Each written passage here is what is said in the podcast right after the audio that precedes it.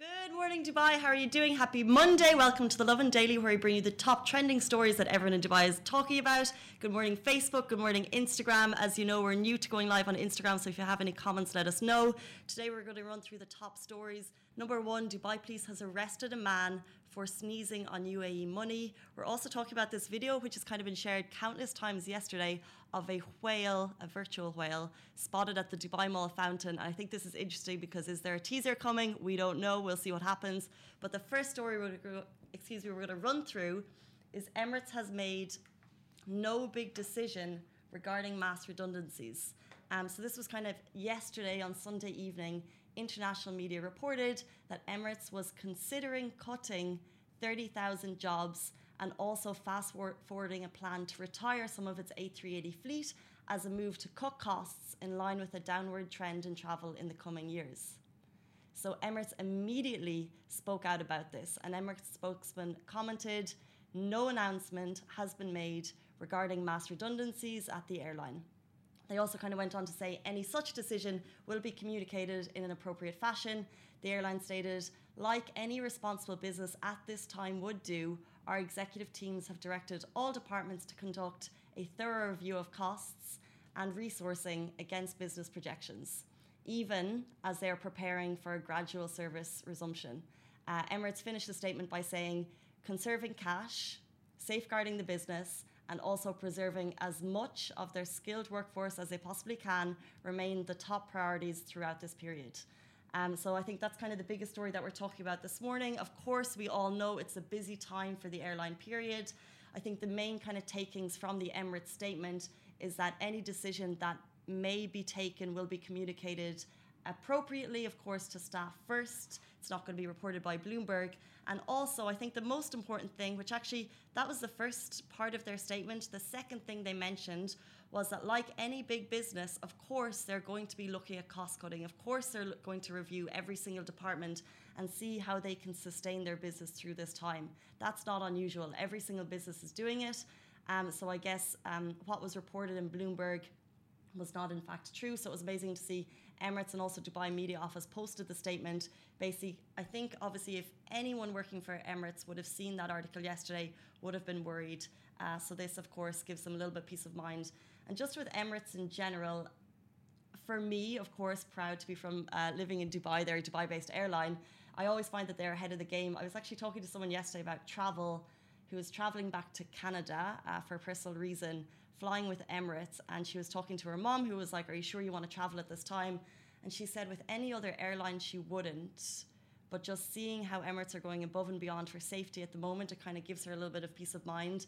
And it's true, I think, of all the airlines, you can kind of see so many airlines, especially Etihad as well, are doing so much. But just with airlines here, they're kind of going above and beyond for anyone that needs to travel. Um, you know that they're doing everything they can for you and also for their crew to make sure that it's a safe journey, which is pretty fantastic. But anyway, we'll move on to our next story. Um, of Instagram, you're not going to be able to see this video, but if you hop onto the Dubai Mall Instagram out, you can see it. Is this a whale at the Dubai Mall fountain? You can see it splashing beside me. This video has been shared countless times since it went live yesterday of a whale having a virtual splash at the Dubai Mall fountain. It was shared by the Dubai Mall page, uh, so you know it's kind of legitimate, maybe. Um, and the caption reads, "What?" Uh, the Dubai Mall fountain, or the Dubai fountain, is always full of su surprises. Dubai Mall, are you teasing us with something big? Um, I thought this was kind of interesting. 170,000 people have already watched this video. I think we're used to stunts like this pre COVID 19.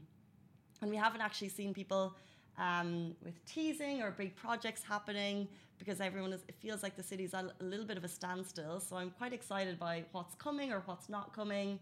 Um, is there so of course we saw we've talked about drive-in cinemas. So in terms of activities that you can do for virtual social distancing, that is one of them. But I'm just wondering, this is just my thoughts on it. Are the Dubai Mall, is the Dubai Mall Fountain starting something virtual that we can look forward to? Do you guys have any thoughts on it? Shai, what do you reckon? It looks very nice. But so this is it's a virtual whale having a splash in the Dubai Mall fountain. I thought maybe they're going to put like maybe a, a, bigger virtual show on. This is all just guessing. Um, there an aquarium zoo. An aquarium zoo virtually. Virtual. A virtual aquarium zoo maybe a lot of the comments uh, some of the comments i kind of want to show you on instagram some of the comments were like is this um you guys see it there so you know what i'm talking about look at that that's amazing um, some of the comments i thought were funny said uh, this looks amazing beautifully created. Oh chris fade said this is amazing. I can't believe there are people on this earth that think this is real. That's a good point. I was just about to get to comments where people said uh, how what is this? This isn't fair. This isn't right. Dubai mall quickly responded saying we had a whale of a time creating it for you we had a whale of a time creating it for you but of course it's not real it's a virtual whale guys so uh, anyone that thinks it's real just so you know it is not um, but i think a lot of people are just excited about what it could be uh, so that's the virtual whale at dubai mall and we'll move on to our final story which was shared originally by Dubai Police, which is a Dubai man's TikTok video of him sneezing on UAE money has landed him in jail. Uh, so Dubai authorities have arrested and publicly shamed a man who insulted UAE currency. The man actually shared a TikTok video in which he sneezed on a UAE banknote before throwing it on the floor, uh, according to reports. He has been referred to the concerned authorities where legal action will be taken. The man is in violation of Article 29 of the UAE cybercrime law, which states that anyone who publishes information, news, or data on a website or any information network, TikTok included, or information technology means with the uh, with the intention of harming the reputation, prestige, or status of the country, uh, or any of its institutions, can be punished with a prison sentence or a fine not exceeding one million dirham. Um, so that video, of course, he was uh, slandering UAE currency. Um, I just think we see a number of stories about people sharing TikTok videos for views. There's been a couple uh, over the last couple of weeks. For TikTok views, it just seems senseless at any time of the year. But I think it, why? But I think at this time, um, the fact that he was sneezing on money, which of course is spreading his germs onto money, which would then go out into society, is a very scary prospect. So it's amazing to see that Dubai police did not wait a second uh, to kind of publicly shame him. They shared his photo, which you can see on Lovin Dubai, uh, to kind of stamp out that behaviour. It's just wrong. It's just wrong. On the next story, which is our isolation diaries, videos that we do like to share. Our isolation diaries, you guys share them with us on Instagram, Facebook, Twitter. Uh, good morning, by the way, everyone who's just joining on Instagram.